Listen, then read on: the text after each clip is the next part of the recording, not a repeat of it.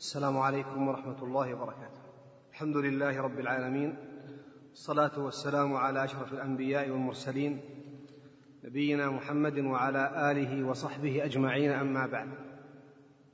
يكون الكلام إن شاء الله في هذا المجلس عن تفسير المعوذتين.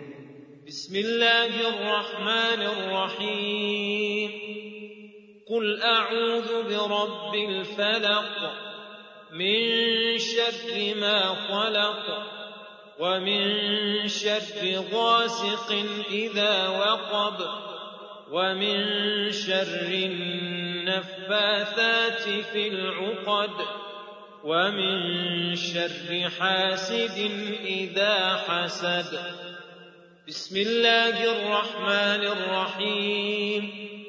قل أعوذ برب الناس ملك الناس إله الناس من شر الوسواس الخناس الذي يوسوس في صدور الناس من الجنة والناس. فيقال أولا هناك مسائل في هاتين السورتين الشريفتين. فهاتان السورتان قرينتان تذكران دائما سويا وتشتركان في أحكام سوية. المسألة الأولى من أسمائهما سوية تسميان بالمعوذتين وتسميان مع سورة الإخلاص والكافرون بالقواقل وهي السور المبدوءة بقل. القواقل. قل أعوذ برب الناس وقل أعوذ برب الفلق وقل هو الله أحد وقل يا أيها الكافرون وقد يدخل معهما قل أوحي إلي أنه استمع نفر من الجن. المسألة الثانية من مواضع قراءة السورتين. جاء في السنة الكريمة الصحيحة مواضع كثيرة تقرأ فيها هاتان السورتان الشريفتان. فمن ذلك أنهما تقرآن في أذكار الصباح وتقرآن في أذكار المساء وتقرآن في أذكار النوم وتقرآن في أدبار الصلوات وتقرآن في الغالب في أثناء الرقية على المريض. وهناك مواضع أخرى. المسألة الثالثة ذكر المفسرون أو جمع منهم خلافا أو مسألة مشهورة لعبد الله بن مسعود رضي الله تعالى عنه. فقد كان ابن مسعود رضي الله تعالى عنه يقول بأن المعوذتين ليستا من القرآن بل هما دعاء. كان يدعو به النبي صلى الله عليه وسلم ويرقي به الحسن والحسين. وهذا أمر مشهور وينبغي أن يذكر لأمرين. الأمر الأول كما سلف أنه مشهور وفيه إشكال. والأمر الثاني أنه متعلق لبعض أعداء الإسلام الطاعنين في الصحابة الكرام. وقد أجاب أهل العلم على هذا الأمر الذي ثبت عن عبد الله بن مسعود رضي الله تعالى أو اشتهر عن ابن مسعود رضي الله تعالى عنه بإجابة. الجواب الأول إبطال هذا الخبر وتكذيبه. وقد ذهب إلى هذا الإمام ابن حزم والنووي والرازي وغيرهم فقالوا بأن الخبر باطل من أصله وإذا كان ذلك كذلك فلا يعرج في البحث عن إجابة عليه. لكن هذا القول ليس بصواب بل الخبر ثابت ومشهور عن عبد الله بن مسعود رضي الله تعالى عنه. الجواب الثاني أن ابن مسعود رضي الله تعالى عنه كان يرى أنهما من القرآن لكن الذي عارض عليه أن يكتبان في المصحف. قال لأن النبي صلى الله عليه وسلم لم يأمر بكتابتهما والصحيح وهو القول الثالث أن ابن مسعود رضي الله تعالى عنه رجع عن ذلك وهكذا دأب كل من تبين له حق. فكيف بالرعيل الأول؟ فكيف بالثلة المقدمة من فضلاء الصحابة رضي الله تعالى عنهم؟ وحسبك بابن مسعود رضي الله تعالى عنه. فقد رجع عن هذا القول واستمر أو وافق المسلمين على عملهم وكتبت المعوذتان في المصحف الإمام الذي سيره عثمان بن عفان رضي الله تعالى عنه إلى الأمصار واستقر رأي أو قول ابن مسعود رضي الله تعالى عنه كقول سائر الصحابة والأمة رحم الله الجميع. المسألة الرابعة في هاتين السورتين. قيل بأن هاتين السورتين كانتا من أسباب نزول أو كانتا أو نزلتا بسبب سحر النبي أو السحر الذي تعرض له النبي صلى الله عليه وسلم من اليهودي لبيد بن أعصم. وهذه المسألة مشهورة وأستميحكم عذرا في الكلام عنها على حسب علمي القاصر لبيد بن أعصم من بني زريق من يهود المدينة. هو الذي تولى بإعاز يهود ومن مكرهم وخبثهم بالنبي صلى الله عليه وسلم أنهم حاولوا بطرق شتى الوقوف في دعوته تارة بالسعي في قتله وتارة بالسعي في إصابته بالسم وتارة بالسعي في إصابته بالسحر إلى غير ذلك. وقد جاء في بعض التفاسير أن غلاما يهوديا كان يخدم النبي عليه الصلاة والسلام فأوعزت إليه يهود وأغرته حتى أحضر بعض شعر من شعر النبي عليه الصلاة والسلام كان في مشط يمشط به النبي عليه السلام شعره. وأخذ بعض أسنان المشط فأوصلها إلى اليهودي لبيد فأخذها لبيد ومعها جف نخلة طلعة ذكر فنفث فيها بريقه الخبيث فانعقد السحر في شأن النبي عليه الصلاة والسلام. والحديث في الجملة في الصحيحين. لا غبار على أن النبي عليه الصلاة والسلام تعرض لسحر ذلك اليهودي. فشفى الله نبيه عليه الصلاة والسلام بأن بعث إليه رجلين في رواية ملكين فقعد أحدهما عند رأسه والآخر عند رجله. وفي الحديث أن النبي عليه الصلاة والسلام تشافى بعدما دلاه بإذن الله على موضع السحر. وأنت تعلم أن السحر وأن العائن إذا عرف مكان السحر فأبطل بطل بإذن الله أثره. وإذا عرف العائن فأخذ منه أثر برئ بإذن الله من ابتلي. الشاهد أن النبي عليه الصلاة والسلام دله ربه على مكان السحر كان في مكان بالغ اليهود في إخفائه في بئر مهجورة قبيحة الشكل قبيحة المنظر قبيحة آه، الرائحة. في بئر تسمى بئر ذروان. في أسفل البئر حجر ناتئ يجلس عليه الرجل, الرجل ليمتح الماء. والسحر تحت هذا الحجر. والماء كأنه نقاعة الحناء وفيها نخل كأن طلعها رؤوس الشياطين. فقيل بأن السحر كان في إحدى عشرة عقدة فكلما حلت عقدة خف أثر ذلك عن النبي عليه الصلاة والسلام حتى شفى الله نبيه عليه الصلاة والسلام وأخذ يرقي نفسه وأولاده دائما بالمعوذتين. وهذا الحديث أنكره بعض أهل العلم لاستحالة أن يتعرض النبي عليه السلام إلى سحر. والله يقول عن نبيه والله يعصمك من الناس. ولكن أهل العلم أجابوا بأن السحر أنواع والسحر الذي أصيب به النبي عليه الصلاة والسلام هو الذي تعرى هو سحر التخييل الذي ذكره الله في شأن موسى عليه السلام يخيل إليه من سحرهم أنها تسعى. وعائشة تقول رضي الله تعالى عنها في شأن سحر النبي عليه الصلاة والسلام يخيل إليه أنه يفعل الشيء ولا يفعله. أما أمر الرسالة وتبليغ الرسالة فهذا قد عصمه الله جل وعلا من أن يؤثر السحر فيه. بل قال بعض العلماء في أثناء الفترة التي تعرض النبي عليه السلام لأثر السحر لم ينزل عليه وحي في ذلك.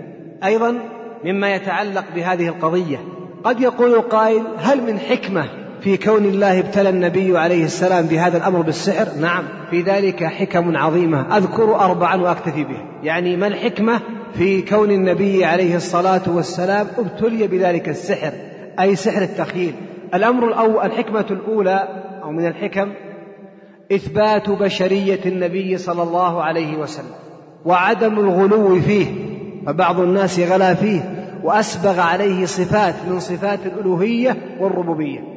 الحكمة الثانية الرد على من كذب دعوة النبي صلى الله عليه وسلم واتهمه بالسحر. فلو كان كذلك كما يزعمون لعرف أمر السحر وعرف كيف يدرأ عن نفسه لكن إصابته بالسحر تكذيب لمن اتهم دعوته أو لمن اتهم الوحي بأنه سحر أو شعر. الثالثة حث أمته على الافتقار الدائم إلى الله جل وعلا وعلى انهم مهما بلغوا في الكمال والغنى والتقى إلا أنهم لا يزالون مفتقرين ومحتاجين إلى الله جل وعلا. ففي ذلك إثبات كمال الربوبية والألوهية وضعف البشرية. الرابعة أن الابتلاء يزيد في رفعة منزلة المبتلى لأن المصيبة إذا نزلت لها أحوال. بالاستقراء لها أحوال ثلاثة وأربعة. من ذلك أنها قد تكون عقوبة للمبتلى. بعض الناس يذنب فيبتليه الله عقوبة له. وقد تكون كفارة فيبتليك الله كفارة لذنوبك. أولما أصابتكم مصيبة قد أصبتم مثلها قلتم أن هذا قل هو من عند أنفسكم. والكفارة قال صلى الله عليه وسلم ما يصيب المسلم من نصب ولا وصب ولا هم ولا غم ولا حزن حتى الشوكة يشاكها إلا كفر الله عنه الخطايا. الحكمة أو الحكمة الثالثة في المصائب كما في سحر صلى الله عليه وسلم الرفعة في درجاته. قال عليه الصلاة والسلام البلاء إلى من يحبني أسرع من السير إلى منتهاه. وقال عليه الصلاة والسلام أشد الناس بلاء من الأنبياء.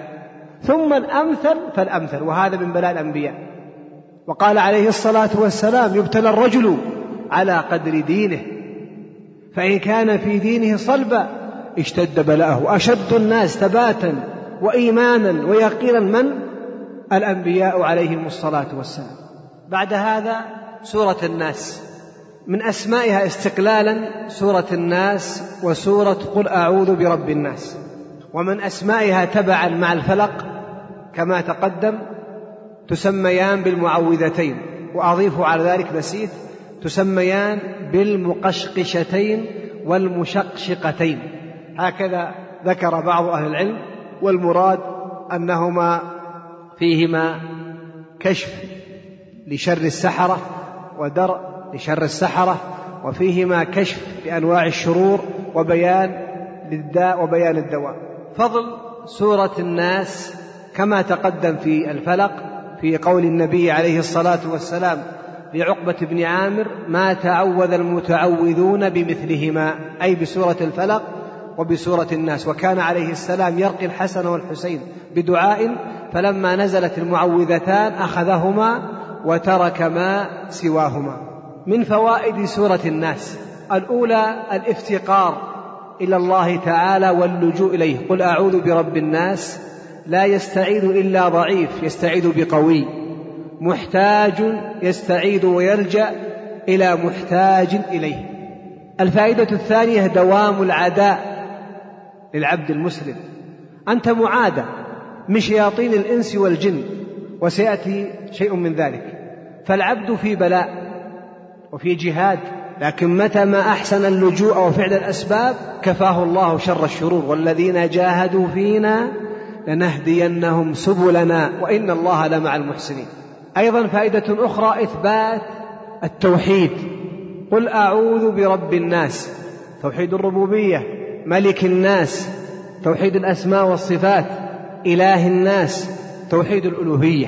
وكل توحيد يتضمن النوعين الآخرين. في قوله تعالى من شر الوسواس الخناس فائدة بل فوائد. أصل الشرور كلها من الشيطان. كل الشرور مصدرها من الشيطان فبعزتك لأغوينهم أجمعين. الفائدة الثانية أن شر الشيطان وكيد الشيطان يتفاوت من عبد لآخر. فكلما قوي إيمان العبد درأ الله عنه الشيطان. وكلما ضعف تسلط الشيطان عليه ولا يجني جان إلا على نفسه. ومن الفوائد أيضا أن من أعظم درء الشيطان الذكر. لاحظ الوسواس الخناس. كلما فتر القلب تسلط الشيطان وكلما نشط القلب بالذكر خنس الشيطان. والذكر أنواع. الذكر الفعلي لله تعالى بالعبادات الصلوات الصيام والحج. والذكر القولي بالتلاوة والدعاء وما شكل ذلك. الذي يوسوس في صدور الناس من الجنة والناس. أولا الوساوس لها أنواع. أعظمها وأخطرها الوسواس العقدي. ومن أنواعها الوسواس في الطهارة. ومن أنواعها الوسواس في الصلاة. ومن أنواعها الشك المستديم. الوسواس العقدي هو أعظم أنواع الوسوسة. وتارة يغوي الشيطان العبد. فيضله عن سواء السبيل وعن الصراط المستقيم. وهذه الوسوسة يحرص الشيطان عليها لأنها إخراج وتشكيك للعبد في دينه. قال صلى الله عليه وسلم يأتي الشيطان أحدكم فيقول اذكر الله خلق كذا وخلق كذا فمن خلق الله. فإذا شعر أحدكم بذلك فليقل آمنت بالله ورسله. وهذا الأمر قد حصل نوع منه للصحابة رضي الله تعالى عنهم. ولكن انظر كيف كان ذلك زيادة في إيمان الصحابة. وانظر كيف يكون ذلك زيادة في استغواء الشيطان العبد. جاء الصحابة بعض الصحابة فقالوا يا رسول الله إن أحدنا يجد في نفسه ما لو أن يخر من السماء أحب إليه من أن يتحدث به. شكوك عقدية الشيطان يلبسها. ولكن الصحابة يتمنى أحدهم أن يسقط فيموت. يتمنى أحدهم أن يهلك ولا أن يوافق الشيطان بل يتحدث. فقال النبي عليه السلام أوجدتم ذلك؟ قالوا نعم يا رسول الله. قال ذاك صريح الإيمان. بغضكم هذا ونفوركم منه وخوفكم منه إنما هو في الأصل خوف من الله وخوف من فوات ثواب الله فجهادكم له. وبغضكم له من صريح الإيمان. لكن المخافة استغواء العبد استجراء العبد مع الشيطان وقيادة الشيطان له. ولهذا أكثر من تلاوة هاتين السورتين. واجعلهما نصب عينيك. وأحسن الظن بالله يدرأ الله عنك شر الشيطان العقدي ومن باب أولى ما سوى ذلك. وأنا أنصح من ابتلي بهذا الأمر. أن يضرع إلى ربه يكثر من الدعاء لربه عز وجل. ومن تلاوة هاتين السورتين ومن المحافظة أيضا على أذكار الهم والغم وتفرج الكروبات ومن عدم الجلوس وحيدا لأن الواحد الشيطان منه أقرب من الاثنين. ومن الاثنين أبعد وليس بعد ثلاثة. وعليك أيضا بكثرة أو بقطع التفكير وإشغال نفسك بأمور أخرى. لأن الشيطان إذا أجراك معه وبالذات إذا كنت وحيدا أدخلك في أودية لا منتهى لها. ولكن مع ما ذكرت لك أمر عظيم إحسان الظن بالله. أحسن الظن بالله وتذكر قول الله تعالى الله لطيف بعباده. وقول النبي عليه الصلاة والسلام في الخبر القدسي عن ربه تعالى أنا عند حسن ظن عبدي بي. إن ظن خيرا فله وإن ظن شرا فعليه. فاحرص على ترك هذا الشيطان والاعيب الشيطان ووسوسة الشيطان. الوسوسة كما قلت لكم تكون في الطهارة وتكون في الصلاة. وأذكر لكم فائدة قيدوها عندكم. يأتي الشيطان العبد فيما يتعلق بأمر عبادته صلاة طهارته وصلاته في سبعة مواضع أو ثمان مواضع. الموضع الأول التشكيك أو عفوا تأخيره للعبد عن قيامه إلى الصلاة. يشغل العبد يوسوس له يشغله بأمور حتى يتأخر عن قيامه إلى الصلاة. النوع الثاني الوسوسة على العبد في طهارته قبل الصلاة. يشغله. بعض الناس يبتلى بالوسوسة فيجلس أمام الميضأة الوقت الطويل حتى أني أعرف رجلا شفاه الله وعافاه. كان يجلس عند مكان الوضوء قد رأيته بعيني لصلاة الفجر يخرج مع بعد الأذان ولا يصلي إلا بعد ارتفاع الشمس. يقف عند هذه الميضة. بل ذكر ابن قدامة أن بعضهم يوم الجمعة لا يزال يغتسل ثم يعيد حتى يفرغ الإمام من صلاة الجمعة. وهذا من تلبيس إبليس عياذا بالله. إذن الوسوسة الثانية في الطهارة قبل الصلاة. الوسوسة الثالثة في الطهارة في أثناء الصلاة إذا دخل في الصلاة هل أكملت وضوئي أو ما أكملت؟ هل غسلت قدمي أو ما غسلت قدمي؟ هل تمضمضت كاملا أو لا؟ ويبدأ الشيطان في أخذ سؤال وجواب حتى إما أن يقطع صلاته أو أن يفرغ الإمام من الصلاة وهذا لا يزال في قيل وقال. الوسوسة الرابعة التشكيك والتلبيس عليه في النية. وهذا أمر قد بلي به كثير من المصلين. هل نويت قبل الصلاة أم لم أنو؟ هل تكبير الإحرام قد صحبتها بالنية أم لا؟ هل وهل وهل ويبدأ الشيطان في استدراجه حتى ينسيه صلاته كاملة؟ الوسوسة الخامسة في القراءة. في القراءة. يقرأ الفاتحة ثم يعيد. يقرأ السورة ثم يقطع السورة ويرجع يقرأ من أولها بل قد يرجع ويقرأ من أول الفاتحة بل إن بعضهم إذا شرع الفاتحة قال لم أستفتح. فيرجع فيبدأ من الاستفتاح. وهكذا. أيضا وسوسة السادسة في تشكيكه في ركعات الصلاة. كم صليت؟ ثلاثا أم أربعا؟ اثنتين أم ثلاثا؟ واحدة أم اثنتين؟ ويبقى المسكين في جهاد. فإن كان إماما ألبس على جماعته وإن كان مأموم منفردا عذب نفسه. الوسوسة السابعة كثرة الالتفات والحركة. تارة يشغله بصوت فينظر له. وتارة يؤزه إلى فعل حركة لا داعي لها. وتارة يقلب نظره يمنة ويسرة. وتارة يحرك يده. وتارة يحك أنفه. وتارة يحك رأسه. فيبقى في مشغلة. الوسوسة الثامنة إشغاله عن الذكر بعد الصلاة. قال عليه الصلاة والسلام خلتان أو خصلتان أجرهما كثير والعامل بهما قليل. أن يسبح الله دبر كل صلاة عشرا وأن يحمده أحمده عشرا وأن يكبره عشرا هذه باستقراء الضعيف ثمان مواضع وقد تزيد بحسب البحث.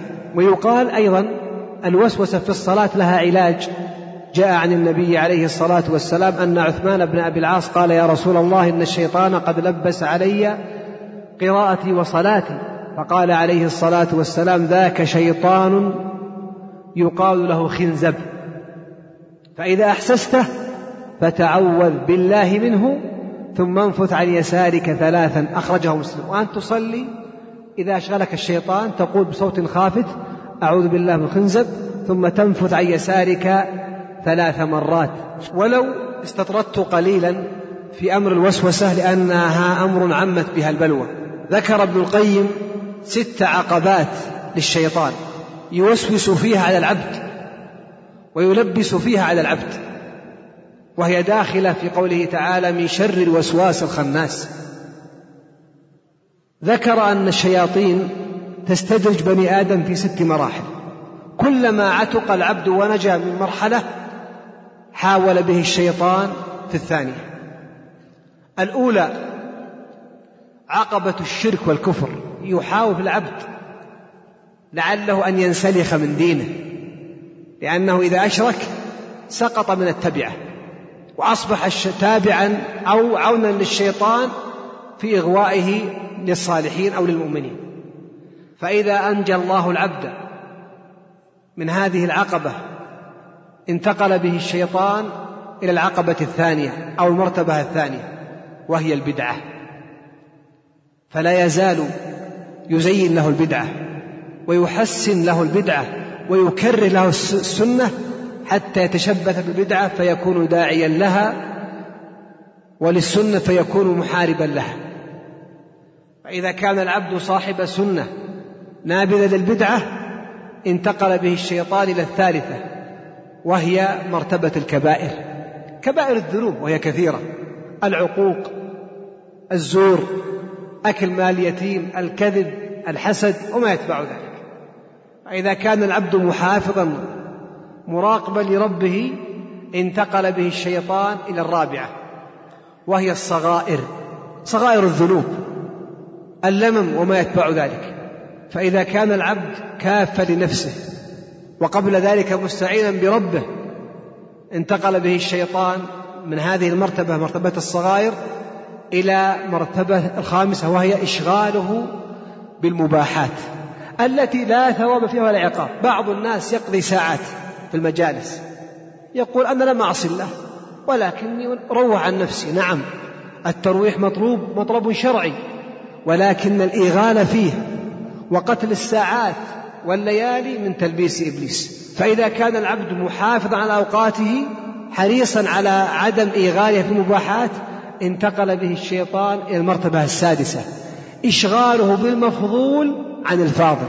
وهذا ملحظ أو مسلك دقيق قد يخفى على الكثير. يقول العبد أنا عندي أمر خير هذا خير. وإن تركته فأنا إلى خير مثل خير آخر. هنا يتدخل الشيطان. أو يلبس الشيطان ويوسوس. فقد يظفر بحرمان العبد من هذه القربة التي فيها أجر كبير إلى تلك القربة التي فيها أجر صغير. بالمثال يتضح المقال. رجل صلى الصلاة. فلما صلى الصلاة وفرغ سلم من صلاته مع الإمام أخذ المصحف مرة ومرة يكلم صاحبه ومرة أمام الكتاب أخذ يقرأ فيه. فإذا قلت له يا أخي أو اشتغل بالذكر قال أنا أقرأ في كتاب علم. هذا كتاب في فوائد. يقال نعم هذا خير. ولكن هذا ذكر مؤقت مقيد بوقت والذكر المقيد بوقت أفضل في في مكانه. حتى لو قرأت القرآن. القرآن أفضل الذكر على الإطلاق. لكن النبي عليه الصلاة والسلام كان إذا صلى شرع في بعد الصلاة شرع في ماذا؟ في أذكار الصلاة. أيضا ذكر مثال آخر قد يكون أوضح ساعة الاستجابة يوم الجمعة. فيها أقوال كثيرة لعل أرجحها أنها آخر ساعة بعد صلاة العصر. بعض الناس يشتغل بالتلاوة أو يشتغل بقراءة في كتاب. يقال استغل هذا الوقت بماذا؟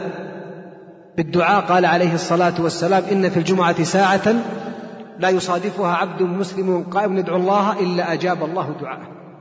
يقول ابن القيم فإذا كان العبد حريصا على تقديم المفروض الفاضل وحريصا على تقديم الأكثر أجرا تلك الساعة هناك مرتبة لم يسلم منها أحد حتى الأنبياء. ما هي؟ تسليط حزب الشيطان من الجن والإنس على هذا العبد. الشياطين الوسوسة تارة يتسلط عليك أحد فينبزك بلقب مشين. وتارة يتهمك بكذب كما اتهم النبي عليه والسلام بالسحر بأنه شاعر بأنه كاهن يتسلط عليك شياطين الإنس إما بضيق الجن إما بضيق الصدر. إدخال الغموم والهموم وتكالب عليك الهموم والغموم والتخويف أو بشياطين بشياطين الإنس بالابتلاء بالكذب بالاحتيال عليك باتهامك بما أنت منه بريء. بإشاعة الأخبار المشينة عنك وهلم جر؟ وهذه المرتبة كلما زاد العبد إيمانا كلما تسلط الشياطين عليه لكن يعطيه الله من الإيمان وقوة اليقين ما يدرى عنه شر شياطين الإنس والجن. إذا الوسوسة وتسلط الشياطين الإنس والجن مصاحبان للعبد ولكن الناس يتفاوتون من قوة وضعف. هذا وإن كان الكلام مجملا لكن مما يحسن ذكره في هذا المقام هذا الكلام لعموم البلوى به. من الجنة والناس قالوا قد يوسوس شياطين الجن في نفوس المؤمنين من الإنس وفي نفوس المؤمنين من الجن. لأن الجن فيهم أتقياء وأنا منا المسلمون ومنا القاسطون. فكما أن في الإنس أتقياء وأشقياء بررة وفجرة كذلك في الجن أتقياء وأشقياء وبررة وفجرة. فشياطين الجن يتسلطون على الأتقياء والطائعين من الجن بالابتلاء بالوسوسة. ولكن ذلك عالم آخر ونحن عالم آخر. أنتقل حتى لا أطيل إلى سورة الفلق. بسم الله الرحمن الرحيم.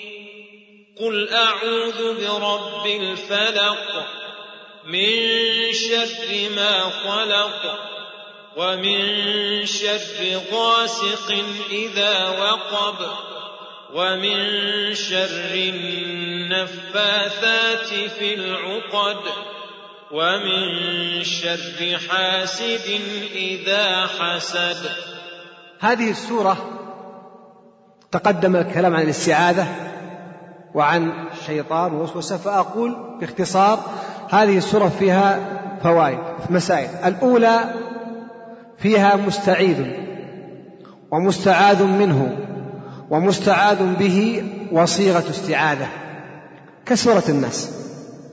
فيها مستعيذ ومستعاذ به ومستعاذ منه وصيغة ماذا؟ استعاذة. ولك أن تقول هذا أيضا في سورة الناس. أما المستعيذ فهو العبد وأما المستعاذ منه فهو أربعة أمور سيأتي ذكرها. وأما صيغة الاستعاذة فهي أعوذ المستعاذ منه أربعة أمور من شر ما خلق ومن شر غاسق إذا وقب ومن شر النفاثات في العقد ومن شر حاسد إذا حسد. إذن المستعيذ العبد والمستعاذ به هو الله عز وجل والمستعاذ منه أربعة أمور وصيغة استعاذة. الشر الأول أو المستعاذ منه الأول من شر ما خلق. قال أهل العلم الشر شران والخير خيران من شر ما خلق. شر موجود يتمنى ماذا؟ زواله. وشر مفقود يتمنى عدم حصوله ونزوله. والخير خيران لتكمل الفائدة. خير موجود يتمنى ماذا؟ بقاؤه ودوامه. وخير مفقود يتمنى حصوله ومجيئه. قالوا هذه الأنواع الأربعة جاءت في سورة آل عمران. طبعا في جاءت في سور كثيرة لكن من الأمثلة في قوله تعالى ربنا إننا سمعنا مناديا ينادي للإيمان أن آمنوا ربكم فآمنا. ربنا فاغفر لنا ذنوبنا وكفر عنا سيئاتنا. قالوا هذا شر موجود المعاصي والذنوب. يتمنى من الله أن يغفرها وأن يكفرها. وتوفنا مع الأبرار. هم موحدون. فيتمنون من هذا الخير أن يستمر باقي. إذا شر موجود يتمنى ماذا؟ زواله. فاغفر لنا ذنوبنا وكفر عنا سيئاتنا. وخير موجود يتمنى ماذا؟ بقاءه. وتوفنا مع الأبرار. أبقيتنا في الدنيا موحدين فتوفنا أيضا ماذا؟ مع الأبرار موحدين. ربنا وآتنا ما وعدتنا على رسلك. هذا من أي أنواع الخير؟ الخير المفقود الذي يتمنى ماذا؟ حصوله. ربنا وآتنا ما وعدتنا على رسلك ولا تخزنا يوم القيامة. هذا ماذا؟ شر مفقود يتمنى عدم نزوله. إذا الخير خيران والشر شران. ونحن في حياتنا كل واحد فيها على هذه الشاكلة. يتمنى أن يبقي الله الخير الذي أنعم به عليه وأفاء به عليه ويتمنى ويسأل الله ويسأل الله الزيادة. وأن يزيل الله عنه ما أهمه وأبتلي به وأن يكفيه الله شر ما لم يحصل له. وأنت ترى إذا حصل مكروه لغيرك تقول الحمد لله الذي عافاني مما ابتلاه به أو مما ابتلاك به من شر ما خلق. يحصل أو أفعال الله كلها حكمة كلها خير كلها لحكمة. وهذه مسألة عقدية أيضا. كل أفعال الله لحكمة. وما يحصل فيها من الضرر أو فإنما بالنسبة للمخلوق لحكمة أيضا. فالسارق إذا سرق هذا شر. لكن في قطع يد السارق ماذا؟ خير له كفارة له. وعبرة للآخرين ولهذا كان من شرعية إقامة الحدود وليشهد عذابهما طائفة ليعتبروا. وأيضا ولكم في القصاص حياة. كيف حياة؟ إذا قتل القاتل الباقون يتعظون من جريمته فيحمون أنفسهم بإذن الله فتبقى الحياة مستديمة مستمرة لهم. إذا أفعال الله كلها لحكمة. وما حصل في الأرض من شيء إلا لحكمة. ظهر الفساد في البر والبحر بما كسبت أيدي الناس. هذه حكمة. ليذيقهم بعض الذي عملوا. هذه حكمة. لعلهم يرجعون. هذه حكمة. وكل ما حصل من شيء فلله في ذلك حكمة. من شر ما خلق ومن شر غاسق إذا وقب. هذا النوع الثاني. الغاسق قيل هو القمر. قد جاء في حديث في الترمذي حسنه بعضهم أن, النبي عليه السلام قال يا عائشة استعيذي بالله من شر هذا. الغاسق وأشار إلى القمر. والحديث فيه كلام لكن حسنه بعضهم. فعلى القول بحسنه أو بثبوته يقال هو تفسير للآية. والقول الثاني أن الغاسق المراد به الظلام. والليل. قال ابن القيم ولا منافاة بين القولين. فإن القمر لا يكون إلا في ماذا؟ إلا في الليل. لماذا شرع لنا الاستعاذ من الليل ومن الظلام؟ قالوا لأن الليل وقت انتشار ماذا؟ الشياطين. قال صلى الله عليه وسلم إذا انتشر إذا جاءت فحمة العشاء فكفوا صبيانكم. فإنها ساعة تنتشر فيها الشياطين أو كما قال عليه الصلاة والسلام. ولهذا شرع لنا أن نستعيذ بالله من هذا الغاسق أو من هذا الظلام لأنه مظنة بل قطعا وجود الشياطين وشر الشياطين. ولهذا جاء في بعض الحديث إذا سمعتم نباح الكلاب بالليل فتعوذوا بالله فإنها رأت شيطانا أو كما قال صلى الله عليه وسلم. وأنت ترى أن كثيرا من الصبيان يصابون بالأمراض في سقوطهم في الليل أو في رميهم بالحجر في الليل بخاصة. ولهذا هذا الوقت وقت رهبة لكنه وقت أنس بذكر الله عز وجل. ومن شر النفاثات في العقد السحرة وفي السحر تقدم الكلام لكن السحر من أعظم الأدواء ومن أعظم ما يصيب البدن. قد يهلك الإنسان قد يصيب الإنسان بالخبل والجنون قد يقلب حياة الإنسان جحيما لحكمة أرادها الله عز وجل. فشرع لنا دائما ودوما الاستعاذة. والسحر أنواع والإنسان يستعيذ من السحر والسحرة بجميع أنواعهم. وقد يبتلى الإنسان بالسحر كما ابتلي النبي عليه السلام ويكون في ذلك مصالح كثيرة. ومن شر حاسد إذا حسد. يقول بعض العلماء وإنما قيد الله الحاسد إذا حسد لأن كثيرا من الناس قد يكون في نفسه شيء. لكن لا يؤاخذ إلا إذا حسد. ولهذا قالوا ما خلا جسد من حسد لكن الكريم يخفيه واللئيم يبديه. الكريم يخفي الحسد يجاهد نفسه بالذكر ومراقبة الله تعالى قبل كل شيء. أما اللئيم ضعيف الديانة ضعيف اليقين المريض يبديه يحسد. والحسد أنواع. هذه نعمة. أفاء الله بها على أخيك. فتتمنى زوالها. هذا محرم لا يجوز. النوع الثاني هذه النعمة. التي أفاء الله بها على أخيك.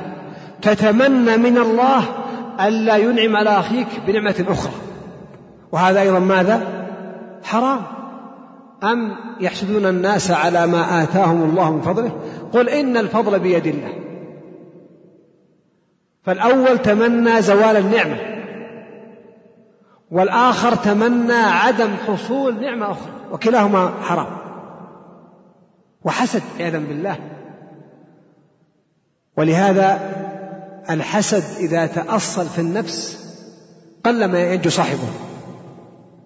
النوع الثالث الحسد المحمود وهو ماذا؟ الغبطة. لا حسد إلا اثنتين. عند أخيك نعمة تتمنى أن يمتعك الله بتلك النعمة كما متع أخاك. ولا تتمنى زوالها. ولا تتمنى عدم أن يفيء الله بنعمة على أخيك أخرى. بل تتمنى أن ينعم الله عليك كما أنعم على أخيك. وهذا محمود. لا حسد إلا اثنتين. رجل آتاه الله مالا والآخر آتاه الله القرآن تتمنى أن يؤتيك الله حفظ القرآن فتقوم به كما قام أخوك وتتمنى أن عندك مالا كما عند أخيك فتنفق وتتصدق فأنت مأجور على هذا. والحسد كما قلت لك داء دفين إذا تمكن في النفس يصعب لكن ليتذكر.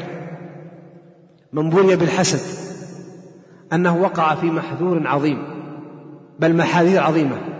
أولها اعتراض على قضاء الله وقدره. ألا قل لمن كان لي حاسدا أتدري على من أسأت الأدب؟ أسأت على الله في فعله لأنك لم ترضى لما وهب. والثانية أنك تحرم نفسك مما تريد. قال عليه الصلاة والسلام لا يؤمن أحدكم حتى يحب لأخيه ما يحب لنفسه. فإذا أحببت لنفسك ما لم تحب لأخيك تبتلى بنقيض قصدك قد تبتلى بنقيض قصدك. والثالث أنك وقعت في كبيرة من كبائر الذنوب. وهذا الأمر أعني هذه الشرور الأربعة. يحرص العبد على أن يستعيذ بالله دوما من شرها لأنها هي هي جميع الشرور تنبثق منها. جميع المصائب الحسية والمعنوية في الدنيا كلها إنما مصدرها هذه الشرور الأربع. ولهذا كانت هذه السورة عظيمة في معانيها عظيمة في ألفاظها مع قرينتها سورة قل أعوذ برب الناس. الفلق فيه أقوال أو عفوا قالوا بأن الفلق يقابل ما بعده. قل أعوذ برب الفلق من شر ما خلق ومن شر غاسق. قال بعض العلماء الغاسق هو الظلام كما أن الفلق هو ماذا؟ هو الإصباح فارق الإصباح.